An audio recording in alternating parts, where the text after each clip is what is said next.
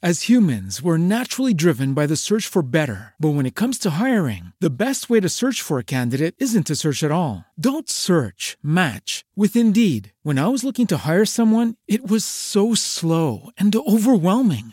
I wish I had used Indeed. If you need to hire, you need Indeed. Indeed is your matching and hiring platform with over 350 million global monthly visitors, according to Indeed data, and a matching engine that helps you find quality candidates fast. Ditch the busy work. Use Indeed for scheduling, screening, and messaging so you can connect with candidates faster. And Indeed doesn't just help you hire faster. 93% of employers agree Indeed delivers the highest quality matches compared to other job sites, according to a recent Indeed survey. And listeners of this show will get a $75 sponsored job credit to get your jobs more visibility at Indeed.com slash podcast. That's Indeed.com slash podcast. Terms and conditions apply.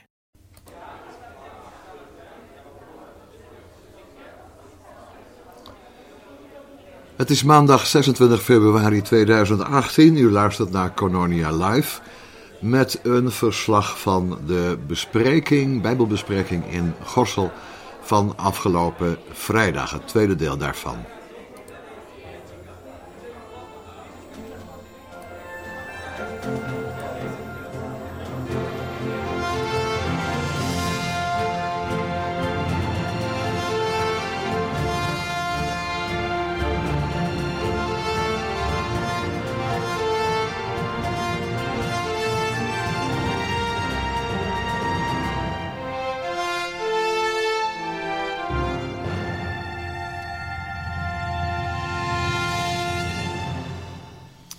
Is dus uh, na het weekend, vorige week vrijdag was die bespreking. En het eerste deel, dat heb ik op internet geplaatst. Dat kun je vinden op de Gorsel website. Maar het tweede deel had zoveel storing. Uh, een hele harde pieptoon zat achter het geluid. Dat was niet te gebruiken helaas, dus ik zal het op een andere manier moeten aanvullen. Ik heb in het eerste uur gesproken over stelling 3 tot en met 5 in de samenvatting die uh, 31 januari 2018 op het internet geplaatst is. Met de titel Enkele inleidende gedachten over het zevende gebod, het verbod van echtbreuk. En ik wil nu naar de vijfde paragraaf gaan.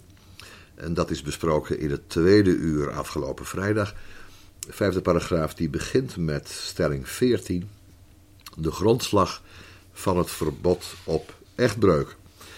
Ik heb de vraag gesteld: wat is nou eigenlijk echtbreuk volgens de Bijbelse tekst? Waar moet je dat aan denken? En sommigen zeiden dat is natuurlijk overspel, of dat is ontrouw, of dat is zelfs echtscheiding. Echtbreuk is de breuk in de band tussen echte lieden. De echt, eh, dat meer te maken heeft met het woord hechten dan eh, met het woord echt in de zin van waarachtig.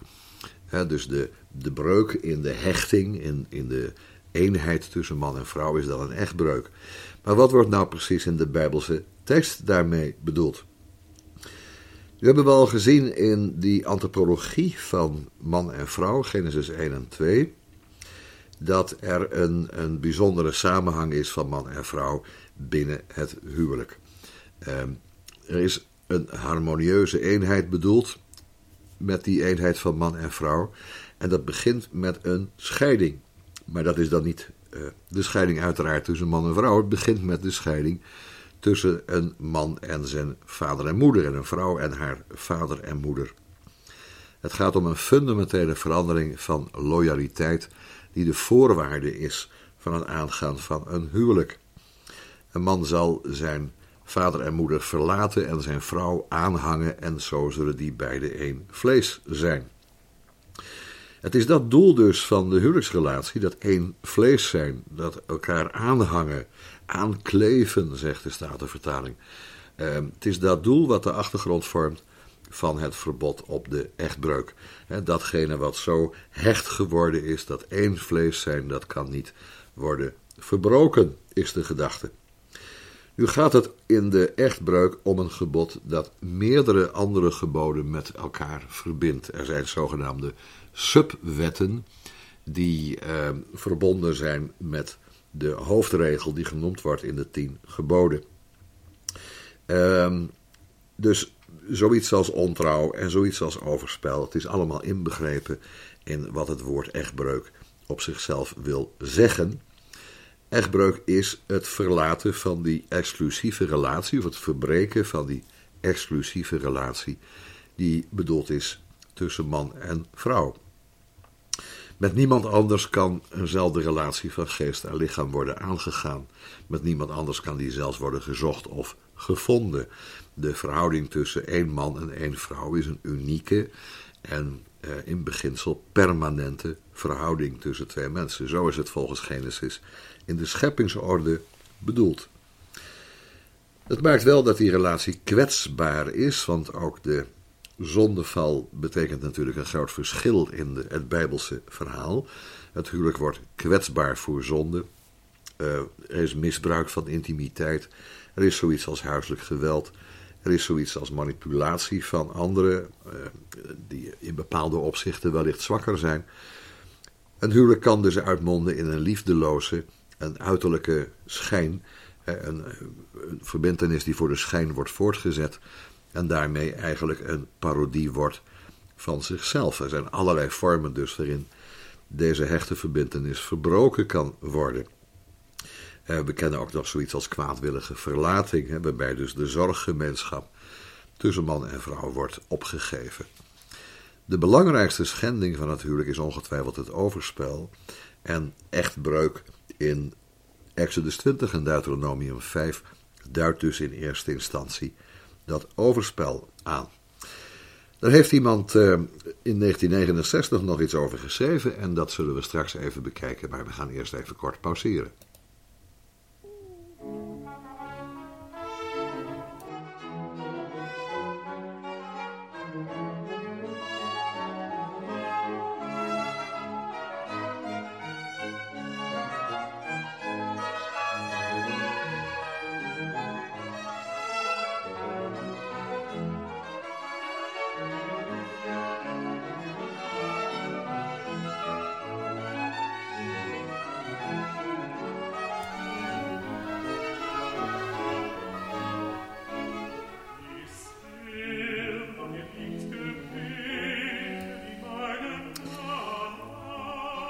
Een tekst uh, die we kunnen vinden op internet van 1969. Ja, die, uh, die worstelt nogal met deze benadering. En we zien dus dat in onze tijd er een oppositie ontstaat tegenover dit bijbelse begrip van het huwelijk. In 1969, in die roerige 60 jaren, horen we dit. Veel autoriteiten koesteren nu twijfels over onze culturele overtuiging. Dat is dus die uit het Bijbelse christendom voortgekomen overtuiging. Onze culturele overtuiging dat de meerderheid van mannen en vrouwen het meest gelukkig zullen zijn als ze monogaam en trouw zijn. Het zou wel eens kunnen zijn dat velen die inderdaad trouw blijven aan één enkele partner gedurende het hele leven een hoge prijs moeten betalen. Nou, ga er maar even voor zitten. Wat is die hoge prijs dan? In de vorm van frustratie, van ergernis over hun partners en van het verdorren van hun eigen gevoelsleven. Toe maar. Dat is de prijs voor deze levenslange trouw. Overspel lijkt beter te passen bij de emotionele vermogens en verlangens van veel mensen, in het bijzonder van mannen. Het biedt iets nieuws, wekt opwinding en het geeft een voortdurende stroom van ervaringen waarin een mens zich steeds opnieuw ontdekken kan. Het is het antwoord op de verveling van een levenslange monogame staat. Wij zijn van nature polygaam. Nou, dat is toch wel typisch voor die 60 jaren. Uh, en zo klinkt het dan in 1969. Zijn wij nou inderdaad van nature polygaam? Nou, dat zou best kunnen. Het is eigenlijk helemaal niet zo belangrijk wat wij van nature zijn, omdat de mens niet gedefinieerd wordt door zijn natuur, maar gedefinieerd wordt eh, als een wezen dat in staat is antwoord te geven op Gods gebod. Dat is wat we zijn. We zijn bij machten om te doen wat God vraagt, om wat Gods gebod en verbod inhoudt. En wat we van nature zouden zijn, dat is eigenlijk helemaal niet zo relevant. Natuurlijk wel voor iemand die buiten de kring van het geloof staat, dan kan dat woord natuur bijna dezelfde kracht krijgen als in een bijbelse context het woord God, het is alsof eh, wat we van nature zijn, dan ook voorschrijft hoe we ons moeten gedragen. Als we van nature polygaam zijn, nou laten we dan ook ons eh, polygaam gedragen. Heel anders toch eh, is dat wat, eh, wat de Bijbel daarover zegt. Het wil trouwens ook niet zeggen dat het nakomen van het gebod per se tegennatuurlijk is. Tegennatuurlijk dan in de zin dat het zou ingaan tegen onze diepste behoeften eh, en verlangens. Het zal ingaan tegen de natuur, tussen aanhalingstekens, zoals de schrijver van 1969 dat bedoelt. dat is de natuur in de zin van onze dagelijkse verlangens en aspiraties en wensdromen. En dat is eh, natuurlijk in de zin dat het bij ons regelmatig voorkomt. Maar het hoeft niet natuurlijk te zijn in de betekenis dat het waarachtig bij onze menselijke natuur hoort. Dat is natuurlijk een onderdeel van het bijbelse idee dat onze echte natuur vast ligt in de schepping. Er is een groot verschil tussen de natuur als ja, dat geheel van krachten en strevingen in het biologische wezen van de mens dat we zo aantreffen.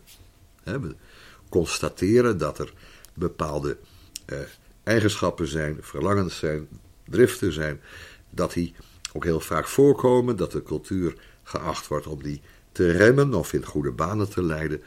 En daaruit leiden we af dat wij van nature dit of dat zijn. Het is dus maar de vraag of we dan onze eigen natuur wel goed begrepen hebben. De Bijbelse tekst zegt bovendien nadrukkelijk dat de strekking van de geboden en inzettingen van God eh, zeker niet is om ons eh, het leven moeilijk te maken.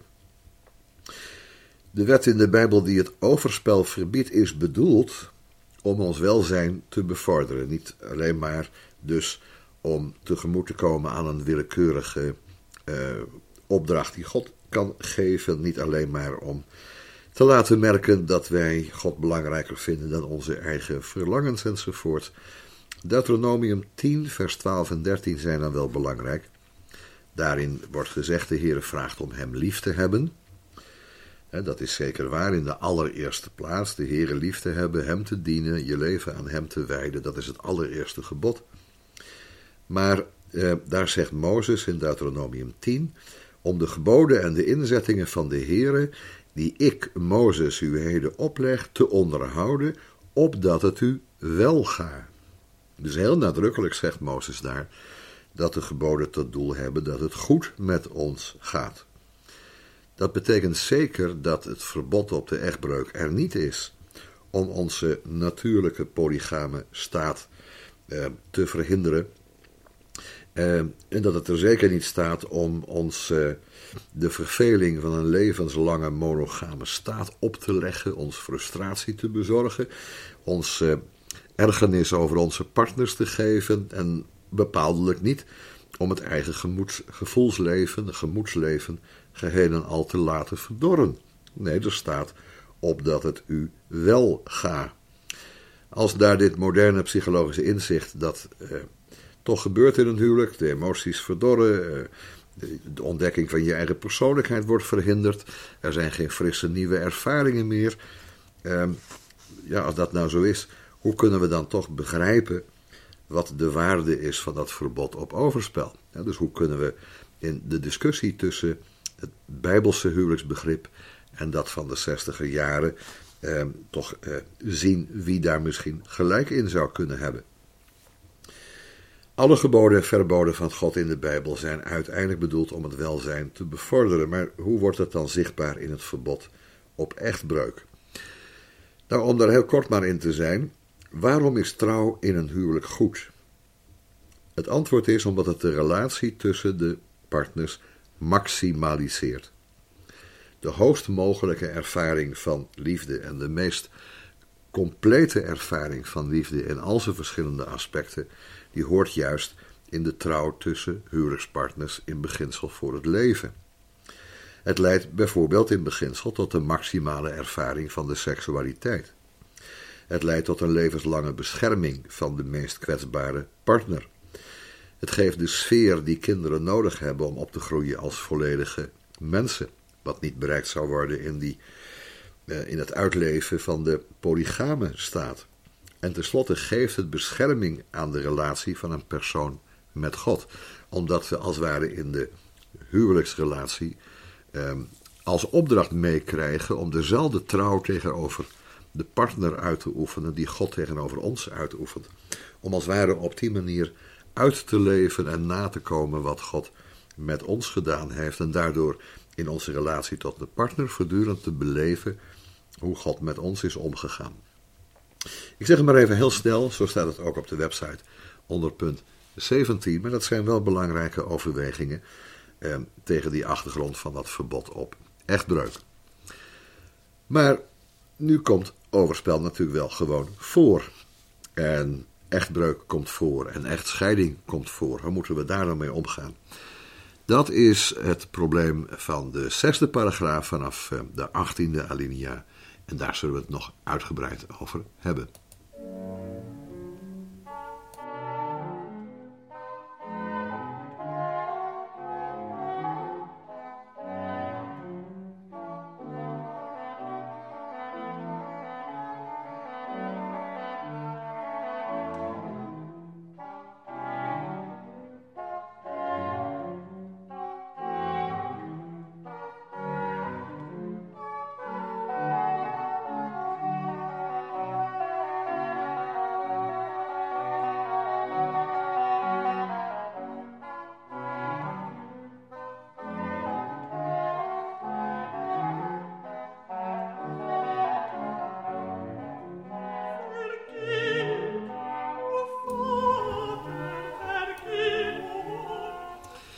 Het ethische probleem dus van de echtscheiding in, komt bij de 18e alinea dan terecht. En de 18e alinea zegt eventjes maar heel helder dat uh, zowel Mozes als Jezus als Paulus begrijpen dat het ideaal van uh, het uh, volkomen en harmonieuze huwelijk bepaald niet altijd bereikt wordt. Het is wel Gods bedoeling, zo kunnen we het vinden in het scheppingsverhaal. Een huwelijk is tussen één man en één vrouw voor het leven, die één vlees worden, waarbij de vroegere sfeer van de loyaliteit, dus het leven met vader en moeder, geheel en al verlaten wordt, ook emotioneel verlaten wordt. Er komt een nieuwe levens- en zorggemeenschap tot stand, waarbinnen dan weer kinderen kunnen opgroeien. Dat is allemaal het ideaal van Genesis 2. Maar natuurlijk gaat dat niet altijd goed lopen. Trouwens, ook in Genesis 3 in het eh, verhaal, de geschiedenis van de zondeval, zie je die wijziging al opkomen. Als er gezegd wordt dat de begeerte van de vrouw naar de man zal uitgaan, dat houdt in dat de man sterker dan ooit tot taak krijgt om ook voor zijn vrouw zorg te dragen. Dat vinden we niet in Genesis 2. Dat is een wederkerige zorg. Maar in Genesis 3 zien we als het ware de taakverdeling als gevolg van de zondeval optreden. De man krijgt een bijzondere taak om voor die vrouw te zorgen. En daar zit een bijzondere eh, functie aan verbonden. want zoals van de vrouw dan gezegd wordt, haar begeerte zal naar de man uitgaan. Zo wordt van Adam, van de man gezegd, dat hij over zijn vrouw zal heersen. Dus dat is een, een gezaghebbend zorgdragen. En dat is uh, de eerste in de relatie zijn wat betreft uh, het, het, vol, het, volbrengen van uh, die gemeenschappelijke taak en zorg. Maar zelfs dan uh, is er het ideaal, blijft het ideaal uh, overeind staan van het scheppingsverhaal van Genesis 1 en 2. En dan vinden we vervolgens in de Bijbel allerlei beperkingen, allerlei veiligheidsmaatregelen, waarmee het menselijk falen in het huwelijk kan worden hersteld, of in ieder geval de schade kan worden beperkt. Mozes in Deuteronomium 24 die doet geen aanbeveling om bij het minste of geringste al tot echtscheiding te besluiten. Het is nou niet zo dat uh, in deze zondige en uh, beperkte en gefragmentariseerde wereld echtscheiding normaal gaat worden. Maar wat opvallend is, dat hij daar ook niet de echtscheiding verbiedt. Waar het hem om te doen is in, in dat hoofdstuk, uh, dat is om aanwijzingen te geven om de vrouw te beschermen als haar man van haar scheidt. Dus verondersteld wordt dat die man van zijn vrouw kan scheiden. Verondersteld wordt trouwens ook dat de vrouw, maar dan via een andere procedure, via haar familie, via de tussenkomst van een rechter, ook van haar man kan scheiden. Uh, maar dan is de vrouw vooral degene die de sociaal zwakkere is. Dat is Mozes. Dat is zijn manier om de gevolgen van de echtscheiding, althans wat de vrouw betreft, ehm, te beschermen. En om te voorkomen dat de echtscheiding tot een, een, een makkelijke, willekeurige daad wordt, ehm, is er zelfs de stipulatie dat een man de van hem gescheiden vrouw niet zomaar of helemaal niet mag terugnemen. Eh, om te voorkomen dat een man kan dreigen met echtscheiding, zijn vrouw kan straffen met een echtscheiding, om haar dan later, als het hem weer uitkomt, weer terug te nemen. Maar deze hele wetgeving in Deuteronomium 24 wordt door de heer Jezus Christus in Matthäus 19 heel nadrukkelijk genoemd een concessie aan de hardheid van het hart. het verharde hart is het hart dat volhardt ehm, in uh, een eigenzinnige koers, dat niet naar de intentie van God in het leven staat uh, en zich verhardt, ook in die zin dat het geen enkele aanwijzing meer uh, aannemen wil, het niet van richting wil veranderen en kan veranderen. En Christus zegt dus dat is een concessie aan de hardheid van het hart, zoals Mozes dat geleverd heeft. Een concessie uiteindelijk dus aan de zonde. Het is de zonde die leidt tot een uh, vroegtijdige, overbodige, onterechte echtscheiding. En uh, dus een echtscheiding waarin de oorspronkelijke bedoeling van de schepping wordt gelogend. Mozes kon dus zeggen: een man mag zijn vrouw niet zomaar wegsturen. Uh, hij moet haar een echtscheidingsbrief meegeven, zodat zij in staat is iemand anders te trouwen en niet in de marge van de samenleving belandt. En een echtscheidingsbrief, dat is niet een briefje dat hij zelf eventjes schrijft uh, op de achterkant van een oude envelop, maar dat is iets wat de rechtbank hem geven moet. Dus zal daar toch moeten uitleggen waarom hij die echtscheidingsbrief moet hebben. Maar toch, heeft Christus nu deze concessie van Mozes aan het menselijk falen overgenomen. Nu staat er wel in Matthäus 19 dat eh, volgens de Jezus de echtscheiding verboden is, behalve op grond van porneia, staat er dan, onzedelijkheid of seksuele zonde. Het komt wel voor dat uh, sommigen die uitzondering genegeerd hebben, Matthäus, zodat alleen maar erbij bedacht hebben, omdat al, hij als Jood het absolute verbod van Christus te streng vindt. Sommige anderen hebben de uitdrukking in het Grieks geïnterpreteerd als overspel. En dat overspel dan weer gezien als een verwijzing naar de ontdekking dat de pas eh, gehuwde vrouw geen maagd blijkt te zijn. Dus dan zou Jezus zeggen dat je mag scheiden van je vrouw als in de huwelijksnacht blijkt dat ze al een ander heeft toebehoord. Nou was dat wel een belangrijke voorwaarde in een Joods huwelijkscontract. Dat, dat contract kon worden verbroken als de vrouw geen maagd bleek te zijn. Maar het is toch niet de correcte interpretatie van het woord porneia. Dus we blijven zitten met de gedachte dat Jezus de echtscheiding toelaat. Eh, wanneer er een grondslag van porneia, onzedelijkheid, van seksuele zonde aan de grondslag ligt. Zou het kunnen dat het woord dan verwijst naar de lijst van verboden huwelijken in Leviticus 18? Nog weer een mogelijkheid. Als de echtscheiding gebaseerd was op een van de vormen van overspel in Leviticus 18, zou het zijn toegestaan. In dat hoofdstuk vinden we namelijk een reeks van incestueuze verhoudingen. Een man met zijn schoonmoeder, een man met zijn tante, een man met de vrouw van zijn vader enzovoort.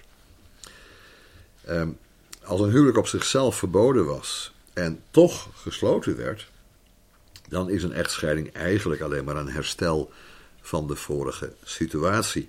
Dus dan kun je niet spreken van echtbreuk. Um, nou ja, dat argument veronderstelt sowieso dat de kerk gebonden zou zijn aan die interpretatie van Leviticus 18. En ik denk dat dat niet het geval is.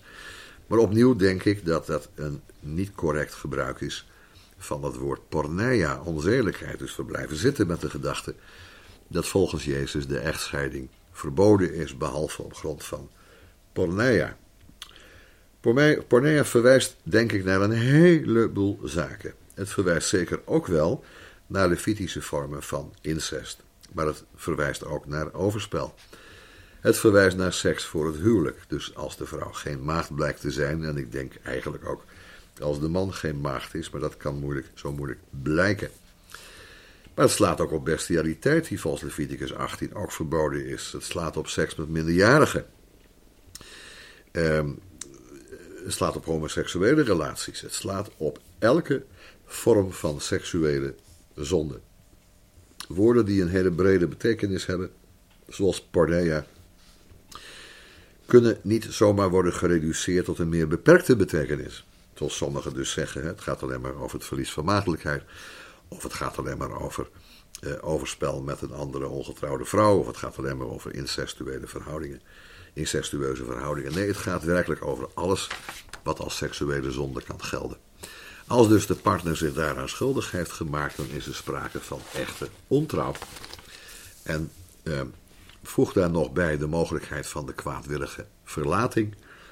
Eh, ja, dan heb je de hele reeks van mogelijkheden waarin een huwelijk wel degelijk mag worden opgeheven en waarin een volgend huwelijk geen eh, geval van overspel is. In alinea 24 noem ik twee vergelijkbare opvattingen uit het Jodendom van die tijd. En daar zullen we dan zo direct met elkaar over spreken.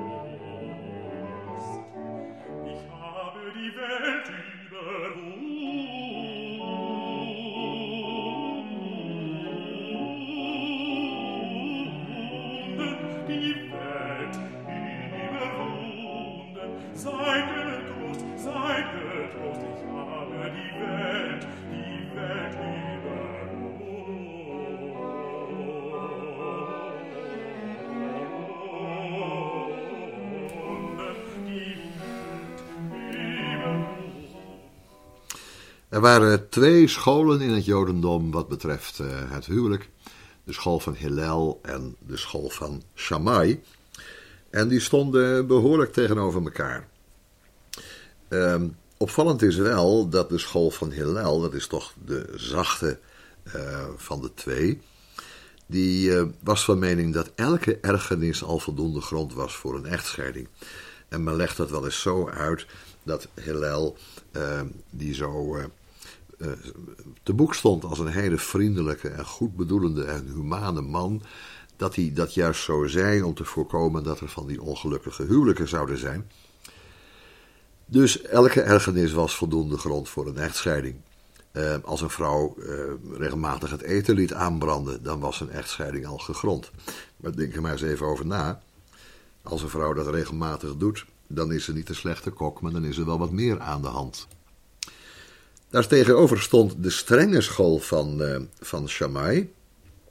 Ja, en, en die uh, uh, was dus van mening dat alleen daadwerkelijk seksueel overspel voor hem een grondslag voor echtscheiding kon zijn. In alle andere gevallen is het de opdracht aan de huwelijkspartners om hun relatie te herstellen. Dus de strenge Shammai die zegt dus juist alleen maar bij overspel mag het en voor de rest heb je de opdracht om de relatie weer goed te krijgen. En de zachtmoedige Hillel die zegt: elke ergernis is al voldoende voor een echtscheiding, om misschien wel ongelukkige huwelijken te voorkomen. Jezus gaat dus eigenlijk verder. Het gaat niet alleen maar om seksueel overspel, maar het gaat om alles wat seksueel onbehoorlijk is. Het gaat om porneia, incestueuze relaties, homoseksuele relaties, vluchten met een ander. In ieder geval alles wat uiteindelijk in seksuele zin ook ontrouw is. Als ware ontrouw die ook helemaal lichamelijk tot uiting komt en daardoor ook voor anderen zichtbaar wordt. Ehm, die vorm van ontrouw mag leiden tot een echtscheiding. Dat is dus de algemene regel. Geen echtscheiding. Christus zelf geeft deze regel, maar hij geeft wel één enkele uitzondering. als een van de partners in het huwelijk tot een seksuele zonde komt die gelijk staat aan ontrouw aan de eigen relatie, dan geldt voor de andere partner, zo moet, moet je het dan formuleren, dat die geen overspel pleegt als deze na een echtscheiding hertrouwt. Er is dus geen opdracht om tot echtscheiding over te gaan.